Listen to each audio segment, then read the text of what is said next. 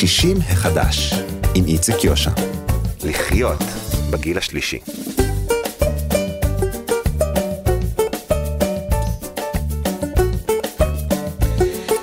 שלום אה, וגם אה, שבוע טוב לכם, מאזינות ומאזיני כאן תרבות, אנחנו 60 החדש.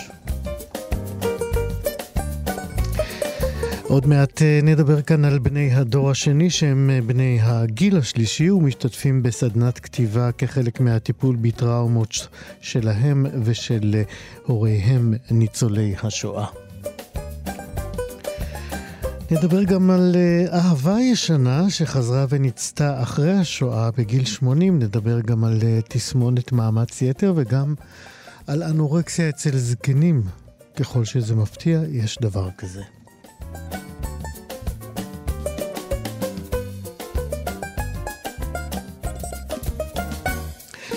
תהיה לנו גם אה, מוסיקה מראשית הפופ הישראלי, כמו בכל יום, ככל אה, שנספיק. בצוות היום שירי כץ, עורכת משנה. עירה וקסלר בהפקה, משה מושקוביץ הוא טכנאי השידור, ואני איציק יושע איתכם עד 12. 60 החדש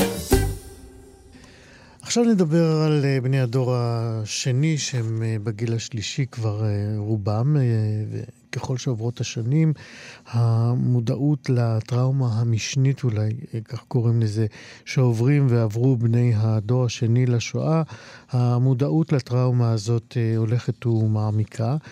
אמ, במשך השנים הם, בני הדור השני, נאבקו ממש לפעמים בתחושות מנוגדות. מצד אחד הם אה, עמדו מול הציפייה הזאת אה, שהייתה מהם לשמש מעין נרות זיכרון להורים שלהם, ומאידך הם אה, ביקשו בעצם לחיות את חייהם ולייצר איזשהו קיום עצמאי, מנותק מההכרח הזה לשל... לשמש אנדרטה או אנדרטאות חיות להורים שלהם. רבים מבני הדור השני הם כבר בני הגיל השלישי, צריך לומר את זה, ורבים עדיין אה, נושאים את אה, חוויית החיים הקשה הזאת בצילן של טראומות אה, אה, ההורים. הפסיכולוגית והסופרת אה, צ'לה בניה אה, פיתחה סדנת אה, כתיבה ייחודית לבני הדור השני בשיתוף עם סניף נתניה של עמותת עמך, העמותה לסיוע לניצולי השואה. הסדנה הזאת מתוארת כסדנה אינטואיטיבית שנועדה בעצם לתת סוג של ריפוי ומרגוע להשפעות של אותן חוויות השואה שבצילן חיו בני הדור השני ועדיין חיים. שלום לצ'לה בניה. שלום לך, איציק, נעים מאוד. גם לי. אה, נגיד עוד שאת אה, פסיכולוגית קלינית אה, ומרצה באוניברסיטת תל אביב ובבית נכון. הספר לפסיכותרפיה. נכון. וגם את כותבת הספר נעליים, 11 סיפורים ארגנטינאים, ובעצמך, לצורך השיחה שלנו, דור שני לניצולי שואה, נכון? נכון מאוד, כל מה שאמרת אמת. אוקיי, אז בואי אולי נתחיל ב...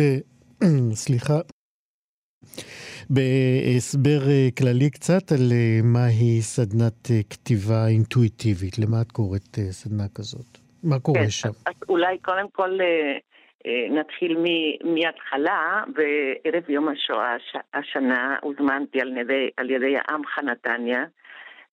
לתת כמה קטעים מהספר, וכיוון שאני גם פסיכולוגית קלינית וגם סופרת בראשית דרכי, אז דיברנו על הספר, דיברנו על היותי אה, דור שני, דיברנו על איך צומחים מתוך הכאב, ואיך אנחנו מתפייסים עם הדור הקודם, על כל המטענים שלהם, ובכל זאת איך אנחנו uh, מרשים לעצמנו, נותנים לעצמנו את הרשות לחיות את חיינו אנו בדור שלנו. והדגש גם איך אנחנו לא משחזרים עם ילדינו את ה... מפגש עוד שהיה עם הורינו. עוד מעט באמת אנחנו נרחיב על זה, כי זה בעצם uh, המטרות אולי של אותה סדנה, אבל אני רוצה... בדיוק. Uh, uh, אני רוצה בכל זאת להישאר קצת באיך זה קורה, uh, איך אוקיי. קורית הסדנה הזאת, אוקיי, מה קורה אז שם. אני, אני נכנסת. אז עם, עם uh, מנהלת עמך, הגענו ביחד ל, לרעיון לבנות סדנה, כרגע היא בשלושה מפגשים, פעם בחודש של שלוש שעות. אה, בקבוצה משתתפים עשרה אנשים, נצרה די מהר שפה מאוד אינטימית שבה אה, כל אחד מהם על השונות ועל הדמיון. זאת אומרת, אה, כל בית הוא בית אחר מהשני, וכל אדם הוא אחר מהשני. החוויה המשותפת של לחיות או לגדול מתוך היעדרות הרצף של גדילה, נקרא לזה ככה, כן נוצרת תחושה של שייכות. הפגישה הראשונה הייתה היכרות, זאת אומרת שכל אחד דיבר על מה, מה זה עבורו להיות דור שני, ואנחנו אה, שלחנו אותם אה, לביתם עם איזשהו שיעור של אה, הצמד ידעתי לא ידעתי. מה ידעתי שלא ידעתי, מה לא ידעתי שידעתי. בכלל כל הנושא הזה של הדעת אצל הדור השני הוא, הוא מאוד אה, נקרא לזה חמקמק, מעורר אה, כאב, קושי, למה לא שאלתי, מה כן שאלתי. זהו, וזה בגלל המון שוני בתגובות של בני הדור השני לטראומות של ההורים. חלקם נכון. באמת לא רצו לדעת, חלקם ידעו ואולי הדחיקו, חלקם אה, אה, הדחיקו ופתאום זה צף, אה, והם חיים על הקשת הזאת. אני רוצה לשאול אותך בהקשר הזה, על, ה, על הרצף המתעתע הזה לאורך השנים. עכשיו שבני הדור השני הם כבר כבר בני הגיל השלישי. יש לזה השפעות אה, שונות ממה שאת יודעת או מכירה מאנשים צעירים יותר, נגיד לפני 20 או 30 שנה, כשדיברו על הדור השני? בהחלט, אני חושבת גם בהקדמה שלך, אני מאוד אהבתי אותה. אה, אתה נותן היום יותר, אתה, זאת אומרת, התרבות הישראלית נותנת הרבה יותר מקום לדבר את. אני יכולה להגיד לך אפילו על עצמי בתור פסיכולוגית צעירה. אני התנגדתי מאוד למושג הזה. מה זה, אנחנו סינדרום אה, לחוט בעולם הפסיכיאטריה? כאילו, מה זה הדור השני הזה? אני מאוד התנגדתי. למה? למה בעצם? תסבירי. כי הרגשתי שאנחנו בני אדם, כמו כל בני אדם, והשואה היא אירוע אומנם טראומטי ואין דומה לו, אבל אה, כל אחד מאיתנו צריך אה, להתמודד עם, עם קשייו בחייו. זאת אומרת, מה, מה זה הפרטיקולריות הזאת? למה לכווץ אותנו בקבוצה נפרדת? רק לאחר מותם של הוריי, אני הבנתי שמתחילה להיווצר בתוכי זכות לשאול שאלות שקודם לא העזתי בחייהם. והשאלה למה לא שאלתי, אמנם אני כן שאלתי, אבל זה כי אנחנו הרגשנו קיר שאי אפשר לחצות אותו. כשאני הייתי שואלת את אמא שלי מה של משפחתך, אז היא הייתה אומרת גולדרינג, אמרתי לא, זה של אבא, לא, לא, שלי לא קיים, אין, אין כזה דבר. זאת אומרת, כל האין הזה הוא מאוד מאוד מסיבי. ולאחר מותם, וזה די אה, משותף לנו, לדור השני, אני חושבת, אה, לאחר מותם, לאחר שהנחנו אה, לעצמנו את, הרווח הזה בינם ובינינו, והשאלה המרכזית היום, ולכן אני כן חושבת שיש משמעות לקרוא לעצמנו היום דור שני, זה איך אנחנו מכבדים את הכאב שלהם, את האובדנים הקשים מאוד, ועדיין אנחנו יוצאים אל עולמנו עם הזכות לשלוט את חיינו. אז זהו, אני רוצה לשאול אותך, כי בש... במשפט הזה עכשיו שאת אומרת, אה, מובלע ב... מובלעת בעצם איזושהי הנחה שלא כיבדנו, או בני הדור השני אה, לא כיבדו מספיק את הכאב של ההורים שלהם? אני חושבת שזה היה כל כך, אתה יודע, כמו של לחיות עם משהו שהוא מובן מאליו, כאילו, זה המרחק או המרחב שמאפשרת לנו לחיות את עצמנו, מאפשרת לכבד אותם ממקום חדש. אני חושבת שלא לא היה לנו מרחב, לא היה, לא היה מרחב בינם ובינינו, לכן לא יכולנו לשאול שאלות, לא יכולנו לכבד את, את הקטיעות, האשמנו אותם, התביישנו בהם בהרבה מאוד מובנים. אני אמנם באה מארגנטינה, אבל בבית דיברו יידיש, ואני סירבתי לדבר יידיש, זאת אומרת, אני חושבת ש... אה, המטען היה כל כך כבד, אתה יודע, משהו שיש לך ממש מול העיניים, אתה לא רואה אותו. צריך איזשהו מרחק נכון, ודווקא הכניסה של רובנו לדור, אה, לשנות ה-60 של חיינו, שכבר יש יותר מרחק ממה שהיה, מאפשר לי אישית, וגם בקבוצה אני הרגשתי הרבה כבוד, הרבה כבוד במובן של להכיר בכאבם, להכיר באובדנם כמציאות חייהם. אך אנחנו חיים בעולם אחר, זאת אומרת, אנחנו גדלנו איתם, אמנם עם הקטיעות שלהם, לכבד אותם על מה שהם עברו, והם באמת עברו דברים מאוד מאוד קשים, אבל גם לכבד את עצמנו. איך אנחנו צומחים מהכאב הזה? הרי השאלות האלה לא יכלו להישאל בזמן שהיינו ילדים. גם לא ידענו, הרבה דברים לא ידענו, אנחנו לא ידענו מה זה שואה. אנחנו ידענו, כל אחד מאיתנו ידע באופן שוב פרטיקולרי, איך זה לגדול עם הערבים הספציפי הזה. רק עם השנים ועם הלגיטימיות אה, להכיר באובדן הכל כך גדול, התחלנו לשאול שאלות. ולפעמים כבר לא היה אל מי לשאול, ולפעמים כן, זאת אומרת, אה, יש בארץ אה, ארגוני יוצאי כל העיירה שהם עושים לדעתי עבודת קודש, לא רק בזיכרון, אלא באפשרות החיה לפגוש, אני פגשתי חברים של אימא שהיא לא ידעה שהם בחיים. Mm-hmm. ויכולתי ממש להתרשם מהחיים שהיו, שאימא לא יכלה לדבר עליהם. וככה גם בקבוצה שלנו, בקבוצה של הכתיבה. אז זהו, בקבוצה של הכתיבה. אה, מה את מבקשת מהמשתתפים בקבוצה הזאת בעצם מה? אה, ללכת הביתה ולכתוב מה? זיכרונות, אירועים, לא, דיווחים? לא, לא, לזה, לזה אנחנו קוראים uh, כתיבה אינטואיטיבית, זאת אומרת, לכתוב ללא צנזורה, לכתוב מהלב. לכתוב בצורה אסוציאטיבית, אנחנו לא במובן ה... נגיד הקלאסי, כתיבה יוצרת, אלא באמת לנסות לתת ביטוי למה שכתב. אמ, אני יושבת מול הדף, והדף מזמין אותי להתחיל לכתוב. מתחילה זרימה שאפילו לא ידעתי שהיא קיימת בתוכי. שהיא לא מזמינים. קשורה, אני פשוט רוצה לדייק, את מזמינה אותם לעשות כתיבה שלא קשורה בהכרח לקשר שלהם עם ההורים ועם חוויות השואה? בצורה די מכוונת זה, זה הולך לשם, כי אנחנו קבוצה של דור שני, אנחנו קבוצה שמשתייכת לעמך, ויש צורך להמשיך לאבד. הדבר המאוד מפתיע שאנחנו רובנו, יש לנו צעיר אחד בן 57 ורובנו מעל שנות ה-60, אה, עדיין הדברים חיים בתוכנו. עדיין אתה מרגיש שמישהו מדבר על אב, או, או מישהי בפגישה האחרונה דיברה על, על סבא. ביקשנו לכתוב בנוכחות בקבוצה עצמה, בזמן של הקבוצה. ביקשנו, בעקבות אה, סיפור שלי חלוק על חפץ, ביקשנו אה, לכתוב סיפורים ש... נגיד הפרוטגוניסט, איך אומרים, המרכז זה, זה חפץ. ומי שכתבה על המברשת שיער של סבא. וממש התמלתה בדמעות שהיא הקריאה את הסיפור היפהפה שהיא כתבה ברבע שעה. זאת אומרת, זה עדיין חי, הטבע עדיין חי, ואנחנו רוצים לקחת את הזרע החי הזה ואיתו להצמיח מקום חדש עבורנו, אוקיי? שזהו... הכתיבה, כן, כן, סליחה. לא, לא, זה בסדר. אני פשוט אה, אמרתי שזה בעצם, אם אני לא טועה מה שאת מתארת עכשיו, שזה בעצם אותו דיאלוג של התפייסות אה, בין הדורות, שהוא חלק ממנו. בדיוק, כי אני מאוד מאמינה שכשאנחנו נותנים מקום לכאב, הוא לבד מצמיח אותנו, לוקח אותנו הלאה, הוא, הוא, הוא לוקח אותנו הלאה, הוא, הוא נותן לנו נוכחות אחרת. השאלה שמסתובבת במפגשים זה מה זה עבור כל אחד מאיתנו להיות חי. להיות חי, כי אנחנו גדלנו עם הצל של מתים שהם היו מאוד נוכחים בבית. Okay? אוקיי? לגדול בלי סבים זה נוכחות של ההיעדרות, אבל היא נוכחות חיה.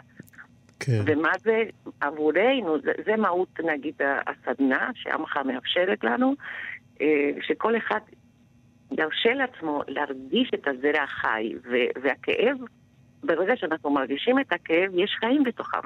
כן. Okay? אוקיי? אני רוצה עדיין להיאחז במונח הזה שאת אומרת התפייסות. זאת אומרת, התפייסות באה אחרי שיש מריבה, אחרי שיש mm-hmm. כעסים, אחרי שיש מחלוקות, אחרי ש... אה, בסדנה הזאת עולים גם אותם כעסים, אותם, אה, אותה בושה שדיברת עליה. אה, גם עולה, פחות כעס, אתה יודע, חלק מה... זה לא קל לכעוס על הורה נהדר, למשל. כשאני מדברת על התפייסות, בשבילי ההתפייסות היא מילה מאוד גדולה, יש בה פיס בפנים, התפייסות זה... אוקיי. כן. מי שזוכה בפיס. בדיוק, זה... אם זה כמו המנוי שלי, אז זה סיכויים רעים מאוד. אבל זה פיס כזה שהוא ממלא אותך לגמרי, לא צריך את הכסף בשביל זה. זה פיס של, של עושר במובן העמוק של המילה, של... אמ, ורובנו לא, גם לא כל כך כעסנו עליהם. לא, לא, אי אפשר לכעוס על מישהו שאתה מרגיש שלא יכול להחזיק את הכעס. אני לא כעסתי על הוריי אף פעם, אתה יכול לתאר לעצמך דבר כזה. כי לא היה אל, אל מי לכעוס. אבל הכעס נשאר בפנים, על מה? על מחיקה, על היעדרות, על uh, נטישות. הזנחות. הזנחות, אלימות שהייתה גם. לגמרי, לגמרי. כן. אבל, ו, ולכן ההתפייסות זה עם מה שלא היה, אוקיי? וזה נותן לנו, לנו, לדור השני, את הרשות להתחיל להיות יותר בחירות. זאת אומרת, בחירות מהמטען שכשאתה לא מתפייס, אתה ממשיך לשאת אותו, גם אם אתה לא יודע שאתה נושא אותו. כן, צ'לה בניה, אני יכול לדבר איתך עוד שעות על זה. אני לסיום רק רוצה לשאול אותך, אה, אה, איזה תגובות את מקבלת מהמשתתפים בסדנה אה, על התחושות שלהם לפני ואחרי? תראה, זה, זה נורא מרגש, זה נורא נוגע ללב. אני רוצה בכל זאת לספר סיפור קטן בבקשה. מאוד מאוד יפה. הספר נקרא נעליים, והוא על אה, אוסף נעל, אה, נעליים מיניאטורית אה, שאימא שלי אספה במשך חייה. Uh, וזה כי אני יכלה לדבר על הקור ועל הרגליים ועל כריתת הרגליים, כל מיני כאלה. Um, ובסדנה משתתפת uh, אישה מקסימה ש, שביקשנו לכתוב את הסיפורים, אה, היא כתבה על, על האוסף הנעליים המיניאטורים שלה, והיא אומרת, זה נורא מוזר, בטוח שאין בעולם מישהו שאוסף ככה. והיא לא קראה את הסיפורים שלי, ואז אחר כך אה, ניגשתי אליה בהתרגשות מאוד גדולה, והיא סיפרה לנו שיש לה... מהבית של הוריה, נדמה לי, היא עשתה מוזיאון לאוסף הנעליים שלה, יש לה למעלה מאלפיים נעליים מיניאטורים מכל העולם. והיא אומרת שהיא הייתה באושוויץ לפני חודש, היא פתאום הבינה מה המשמעות של האוסף שלה, והיא הזמינה אותי להביא את האוסף של אמא שלי למוזיאון שלה, ונכתוב את השם של אמא, וככה נוכל לזכור אותה, ואני מרגישה שזה, נורא התרגשתי, שזה כבוד מאוד מאוד גדול אה, לתת את האוסף, אני חילקתי בין הנכדים את האוסף של אמא. אבל נדמה לי שזה יכול להיות אה, נורא יפה להיות כשיהיה שם. אז התגובות של האנשים הם שאפשר להיפתח, שאפשר לדבר על הדברים הכואבים, ויש השתתפות במובן של האמפתיה, של ההזדהות עם הכאב הזה, וגם הרצון לצמוח משם, זאת אומרת, לא להיתקע שם. זה, זה המהות של הקבוצה הזאת, הייתי אומרת. צ'לה בניה, פסיכולוגית, תודה רבה על השיחה המאלפת הזאת. תודה רבה, איציק. תודה. להתראות. להתראות. 60 החדש. עכשיו נדבר על אה, צירוף אה, מפתיע יחסית, אה, לפחות אותי, אנורקסיה של מבוגרים. לרוב אנחנו מייחסים הפרעות אכילה, כמו אנורקסיה, בולימיה, אנחנו מייחסים הפרעות כאלה לאנשים צעירים. וגם הטיפול בתופעות האלה, כך חשבנו, מסתיים לכאן או לכאן. הרבה לפני הגיעם לגיל זקנה, ומתברר שהתמונה הזאת, לפחות שהצטיירה אצלי, היא קצת יותר עגומה, כי יש אנורקסיה גם בגיל השלישי. ולעיבוד המשקל בגיל השלישי נודעות אה, השלכות וסכנות אה, שאולי לא קיימות אה, בגילים צעירים יותר. מיד אנחנו נדבר על זה. איילת בירן היא דיאטנית קלינית של רשת בית בלב, ואיתה אנחנו נדבר עכשיו על התופעה הזאת, על מידת השכיחות שלה ואיך מתמודדים איתה. שלום איילת. בוקר טוב, שלום. תגידי אם אני טועה, אה, לאנורקסיה והפרעות אכילה יש קשר הדוק עם תפיסה ודימוי גוף לקויים, נכון? אה, כאשר אתה מדבר על אה, אנורקסיה נרבוזה, mm-hmm. שהיא בעצם אחת מהפרעות האכילה שמוגדרות ב-DSM, פה באמת יש קשר מאוד משמעותי לדימוי גוף. וכמו שאמרת בפתיח... DSM צריך להסביר, זה ספר המחלות, התרופות. אוי, לא טוב. אה, משה אולי יעזור, היא לא שומעת אותנו איילת, אה, אולי נגביר טיפה. אה, תסבירי רק למי שלא מכיר מה, מה זה ה-DSM. איילת שומעת אותנו, איילת בירן? עכשיו שומעת. אוקיי. אמרתי, ביקשתי רק שתסבירי מה זה DSM, שדיברת על אנורקסיה נרבוזה. אוקיי, okay, אז DSM זה בעצם ספר של, שבו נמצאות כל ההגדרות של המחלות הפסיכיאטריות באשר הן, כשבשנים ה... בשנים האחרונות, אבל לא רק, אה, ההפרעות אכילה, אנורקסיה נרבוזה, בולמיה נרבוזה והפרעת אכילה לא ספציפית, הן הפרעות אכילה שמוגדרות כהפרעות פסיכיאטריות אה, ונמצאות בספר הזה. אה, ובאמת כשאתה מדבר על אנורקסיה, אז יש כמה סוגים של אנורקסיה, וכמו שאמרת בפתיח, אנורקסיה נרבוזה היא שכיחה הרבה יותר בגיל צעיר, mm-hmm. למרות שיש גם בגיל מבוגר, בקרב אה, הרבה, בעיקר נשים, אבל אה, בעיקר נשים עצמאיות אה, שנמצאות בקהילה, שפעילות, אה, ושהן מאוד חשופות לכל מה שקשור במדיה, אה, אם אנחנו רואים את זה בפרסומות, ואם אנחנו רואים בפייסבוק ובכל הרשתות למיניהן, אה, עדיין אה, יפה אה, נחשב אה, רזה, נחשב אה, בריא, במיוחד בקרב נשים יותר מבוגרות, שהן ככה פחות מכירות ופחות חשופות לכל מה שקשור בדימוי החדש. בריאות יכולה להיות בכל משקל ובכל בכל, מצב שומן או השמנה. את אומרת נשים כן. כי אצל גברים זה לא קורה? אה, נשים בגיל, אה, גברים בגיל מבוגר, פחות אה, מעניין אותם המשקל שלהם בהיבט של דימוי הגוף. הם, זה הרבה פחות, תמיד, תמיד, תמיד, גם בקליניקה כשאני נפגשת עם אנשים מבוגרים, אה, תמיד יהיה, יהיה איזשהו רצון לרדת את השניים שלושה קילו, גם אם זה אנשים שהם חולים וגם אם זה אנשים שהם... אה, תמיד העניין טוב, של המשקל... טוב, זה עדיין לא, ברמה, לא מגיע לרמה של הפרעה. נכון, נכון, אבל זה לא ברמה של אה, משהו שמנהל אותך, שמשהו שמאחר את איכות החיים שלך. זה נמצא בגיל מבוגר, בעיקר בקרב נשים. אבל אם אני יכולה ככה קצת יותר לפרט, אז יש כמה סיבות לאנורקסיה, לאו דווקא רק אנורקסיה נרבוזה. כן. יש בעצם אנורקסיה על רקע רצון אה, להיות רזים כחלק מתרבות הרזון, ואז לא מדובר בהפרעת אכילה שהיא אה, גוררת ממש הימנעות מאכילה וטקסיות בכל מה, מה שקשור באוכל, אלא פשוט רק ברצון ככה אה, להוריד את הבטן וכאלה, מה שדיברנו, ואז זה, זה באמת, זה לא איזה הפרעת אכילה אה, קיצונית שדורשת אה, התערבות רב-מערכתית וכדומה. ויש גם אנורקסיה על רקע גיל מבוגר שגורר קשיי אכילה, שנובעים מכמה סיבות.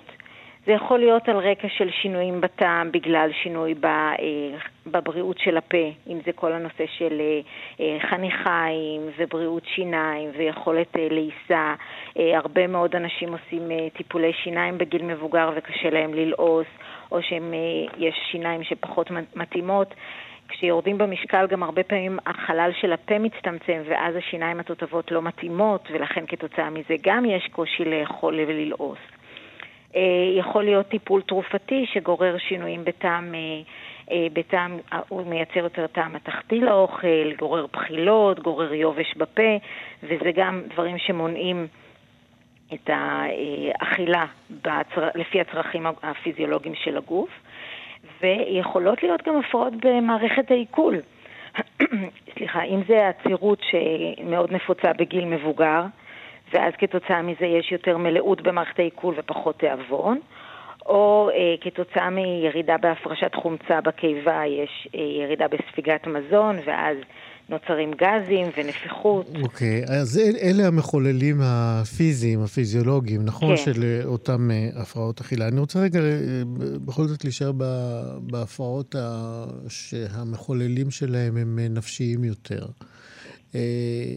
כמה באמת אנשים בגיל מבוגר מפתחים את ההפרעה כהפרעה נפשית, או את הפרעת האכילה הזאת כ... כמשהו שמצריך טיפול אה, פסיכולוגי, פסיכיאטרי? תראה, אם אנחנו מדברים על הפרעה, שוב, כאנורקסיה נרבוזה, שהיא עומדת בהגדרות של ה-DSM, מדובר פה על אחוזים בודדים, ממש, קשה לי להגיד את זה בכמויות מוחלטות, אבל ממש אחוזים בודדים. אבל כן חשוב אבל לדעת... אבל אנחנו כן מכירים את זה אצל זקנים. יש את זה גם אצל זקנים. איך, אבל... מה, איך אנחנו מזהים את זה? האם יש לזה סימנים מבשרים? אה, אז זהו, פה זה, זה בכלל, כשאנחנו מדברים על, על אנורקסיה, ו, ו, ופה אם נרחיב את היריעה ו, ונייצר פה אה, אה, הגדרה שהיא לא רק לפי ה-DSM, אה, אכילה ותיאבון קשורים מאוד למצב נפשי. ודיכאון אה, או אה, כל מיני מצבים של סטרס בגיל מבוגר, הרבה פעמים באים לידי ביטוי בחוסר תיאבון ובירידה בצריכת מזון, כי זה בעצם, האוכל, האוכל והאכילה הם בעצם סוג של שפה. כולנו, ובפרט אנשים מבוגרים, הרבה פעמים מבטאים מצב רגשי נפשי בתת צריכה של מזון. אה, וגם חשוב להגיד שגיל כרונולוגי הוא הרבה פעמים בכלל לא בהלימה לגיל פיזיולוגי. כן. זאת אומרת, יש אנשים בני 90 שמתפקדים ומטיילים ונהנים וחיים חברת, חברתיים מלאים, ויש כאלה שגם בגיל 60 סובלים מירידה במצב רוח בעיק... כן. בעיקר. איילת בירן, אנחנו צריכים לסיים עוד מעט, אולי ככה לסיום משפט על אה, אה, איך אנחנו אה, שמים לב למחוללים האלה ואיך מונעים אותם כדי לא להגיע למצב של הפרעת אכילה בגיל המבוגר. קודם כל חשוב מאוד לשים לב שבגיל מבוגר חשובה, חשוב משקל תקין. זאת אומרת, ברגע שיש ירידה במשקל, ירידה חדה של מעל חמישה אחוז מהמשקל במשך חצי שנה, זה אות למצב לא בריא. לא בריא גם נפשית, ויכול להיות, שג... זאת אומרת גם גופנית, ויכול להיות שהמניע הוא גם נפשי, ואז חשוב מאוד לתת את הדעת, כי במיוחד בגיל מבוגר, mm-hmm. ירידה במשקל היא מסוכנת. היא מסוכנת, מסוכנת משתי סיבות, גם בגלל ירידה בתפקוד של מערכת החיסון, וגם בגלל אה, מצב שנקרא סרקופניה.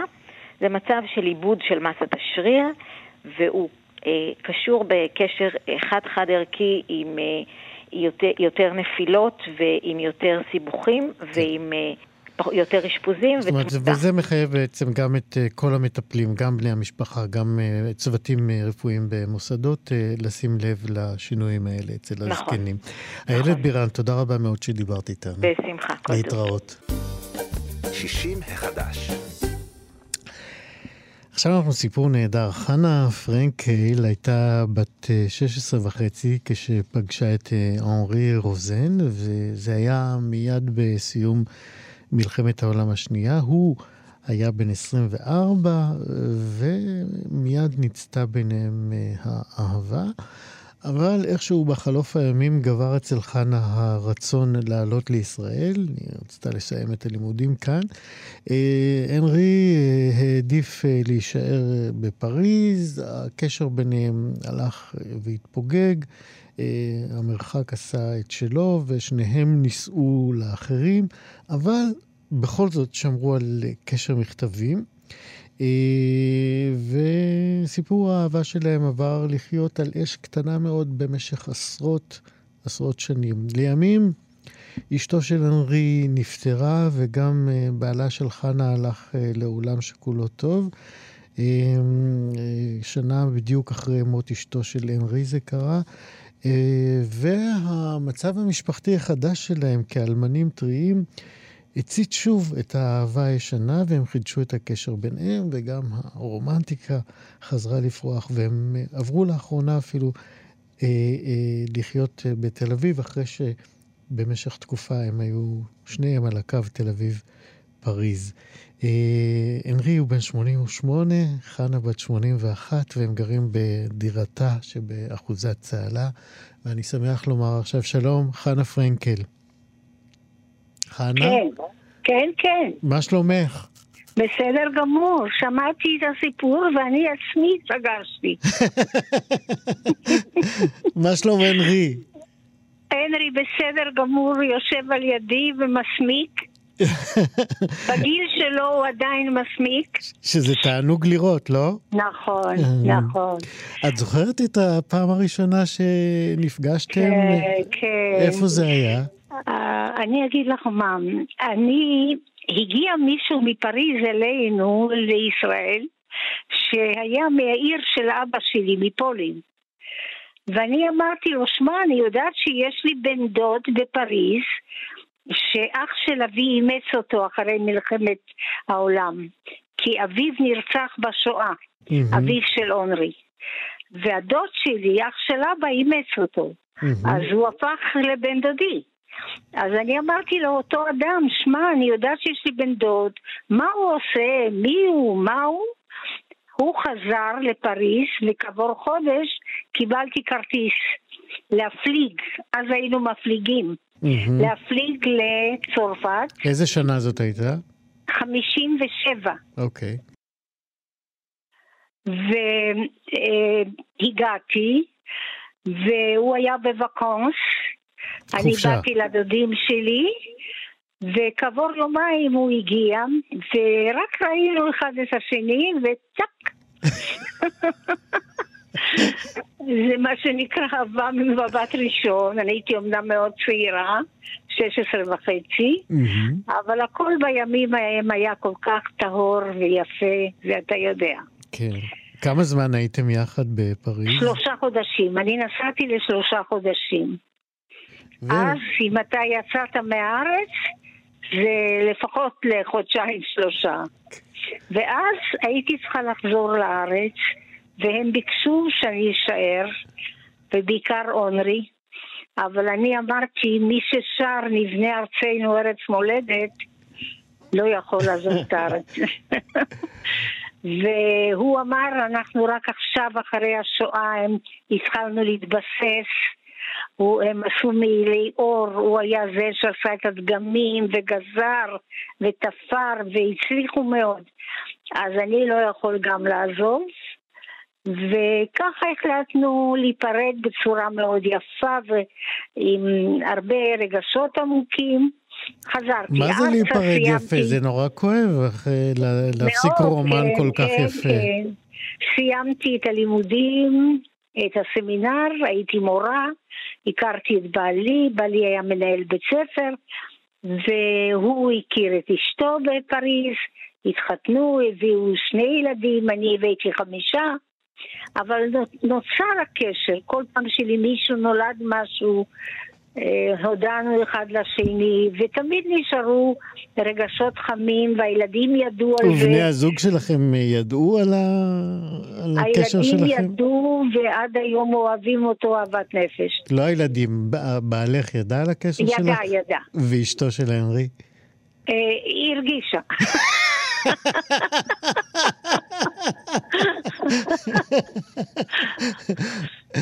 ואיך זה עבר עלייך? כן, וככה שמרנו על קשר.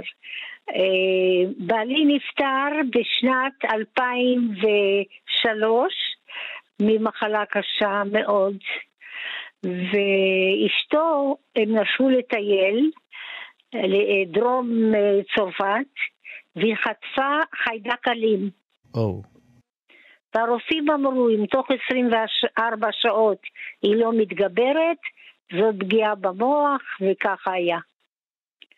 והוא טיפל בה במסירות עד אין קץ שנה שלמה, הוא לא רצה להעביר אותה לבית חולים, רק אצלו בבית, ויש מושג כזה של בית חולים קטן, כן. שהאחיות באות פעם ביום ורופא, ואחר ביתי, כך היא כן. נשארת איתו 24 שעות. הוא אמר לי שהשואה הייתה קטנה, למרות שהוא היה במחנות וכל זה, לעומת הטיפול שהוא טיפל בה במסירות ובאהבה אין קץ. mm, ואז הוא התחיל לבוא לארץ. ואני נסעתי לפריז, הוא התחיל לבוא לארץ, וככה היינו על קו פריז, ישראל. אבל בזמן שהייתי מגיעה, הוא תכנן לנו טיול באירופה. פעם בווינה, פעם במדריד, פעם... כל פעם במקום אחר, ו... וכאילו הכל חזר לקדמותו, ועכשיו אנחנו פה יחד באחוזת צהלה, ואנחנו מאוד מאושרים יחד.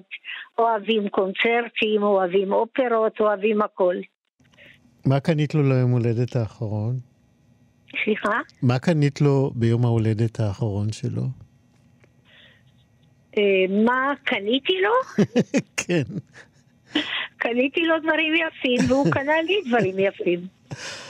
איזה תענוג לשמוע על סיפור האהבה שלכם. אה, חנה כן, פרנקל, כן, אני, כן. אני מאחל לכם עוד uh, מלא שנים. עדין נפש יוניק. גם את. גם את מאוד מיוחדת. חנה פרנקל ואנרי, מה שם המשפחה של אנרי? אנרי, you want to say a word? אבל הוא יודע רק להגיד בצרפתית. אוקיי, שיגיד משפט בצרפתית כמה הוא אוהב אותך. תגידי לו. say in French how much you love me. Bonjour. Bonjour. Bonjour, je suis avec Anya comme lorsque nous nous sommes rencontrés le premier jour. Et ceci, c'est je pense, jusqu'à mon dernier souffle. Voilà. C'est un plaisir de la retrouver et de nous retrouver ensemble. Je regrette de... חנה יכולה לתרגם? כן, אה, אני לא יודע. חנה, חנה. I am not sure that she can uh, trans translate you. Okay, in, can you translate it? Uh, in English, no. no. I have not so, enough. So, so let, let, let Hannah I, translate I, it. So I said that I am with Hannah like the first time when I met her. And I'll translate be... it for them, our uh, listeners. הנרי uh, uh, אומר שהפגישה עם חנה זה הייתה כמו בפעם הראשונה. Yes, continue please. it is so every time when we met, met her to get, uh, again. חנה, את שומעת אותנו? לא. No, can, can, can I get Hannah again? Uh, of course, I give you Thank you very much, Henry. Thank you, להתראות. ביי, ביי. הלו. כן, שמעת מה הוא אמר עלייך בצרפתית? שתמיד כשהוא מגיע, זה כאילו הכל חוזר חזרה. איזה כיף, תענוג לשמוע את שניכם, חנה פרנקל והנרי רוזן, אה, שיהיו לכם עוד המון שנים יפהפיות כאלה של אהבה פורחת. תודה רבה. להתראות. הנה אהבה בת 20 של יוסי בנאי.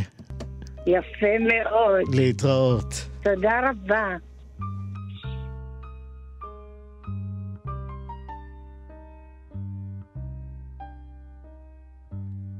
ידענו אש, ידענו רעם.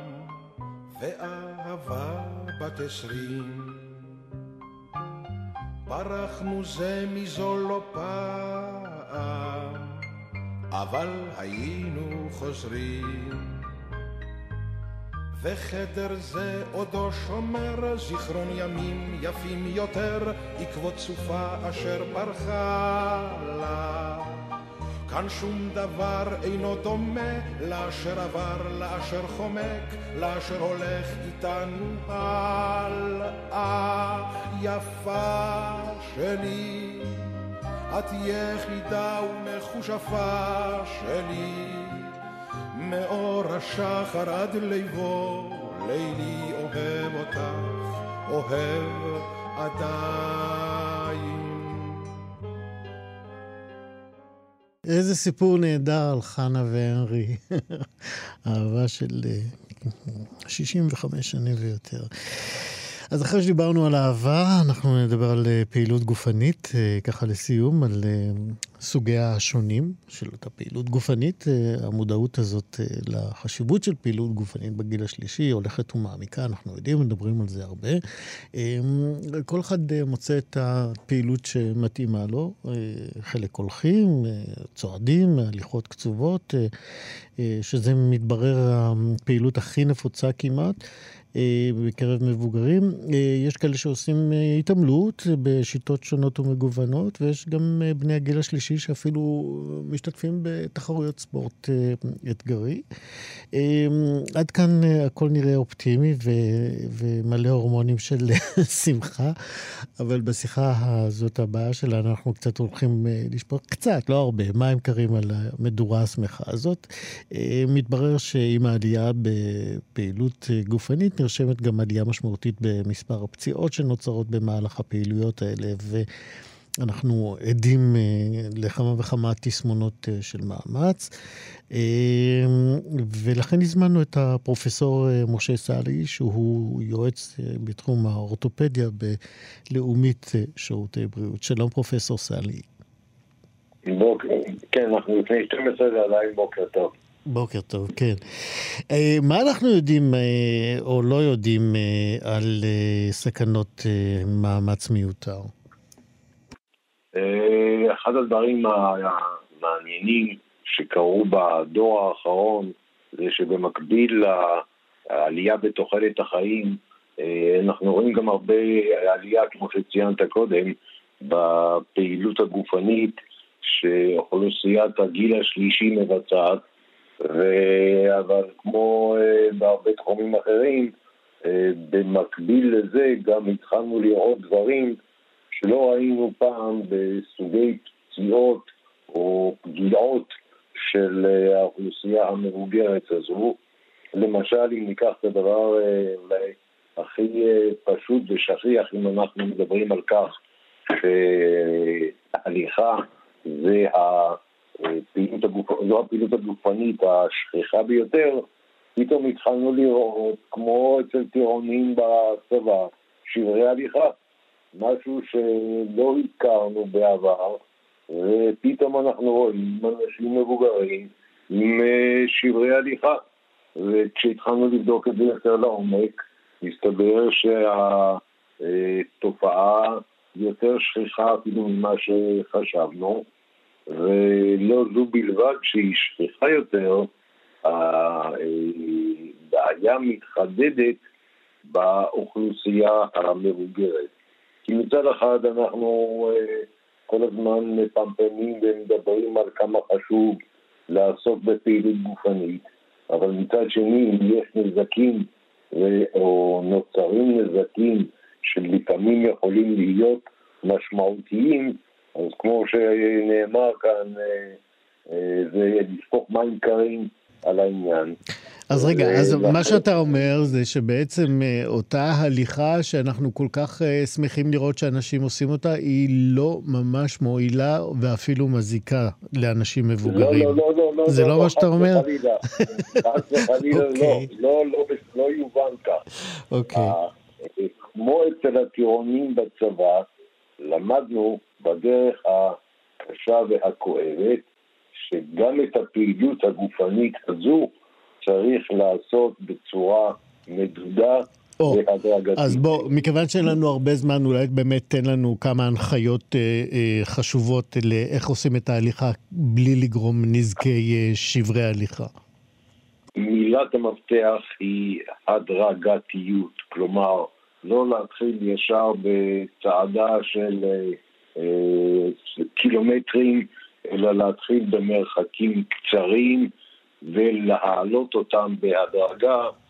כמה זה, ב, כמה זה בזמנים? כאילו להתחיל אה, רבע שעה ואחרי זה עשרים דקות להתחיל, ואחרי זה חצי שעה להתחיל, וכך הלאה? להתחיל, בדיוק, אלו, אלו פחות או יותר מדרגות הזמן כאשר אין צורך ללכת בהליכה מהירה, הליכה בקצב של ארבעה עד חמישה קילומטר לשעה היא בהחלט מספקת ולא צריך ללכת בהליכה מאוד נמרצת. אפשר לתגבר או לשדרג את ההליכה הזו אם על ידי זה שלוקחים ביד משקולות או במקום משקולות שני בקבוקי מים קטנים וכל אחד מהם הוא משקולת ואפשר תוך כדי הליכה גם לעשות קצת תרגילים עם המשקולות. כן.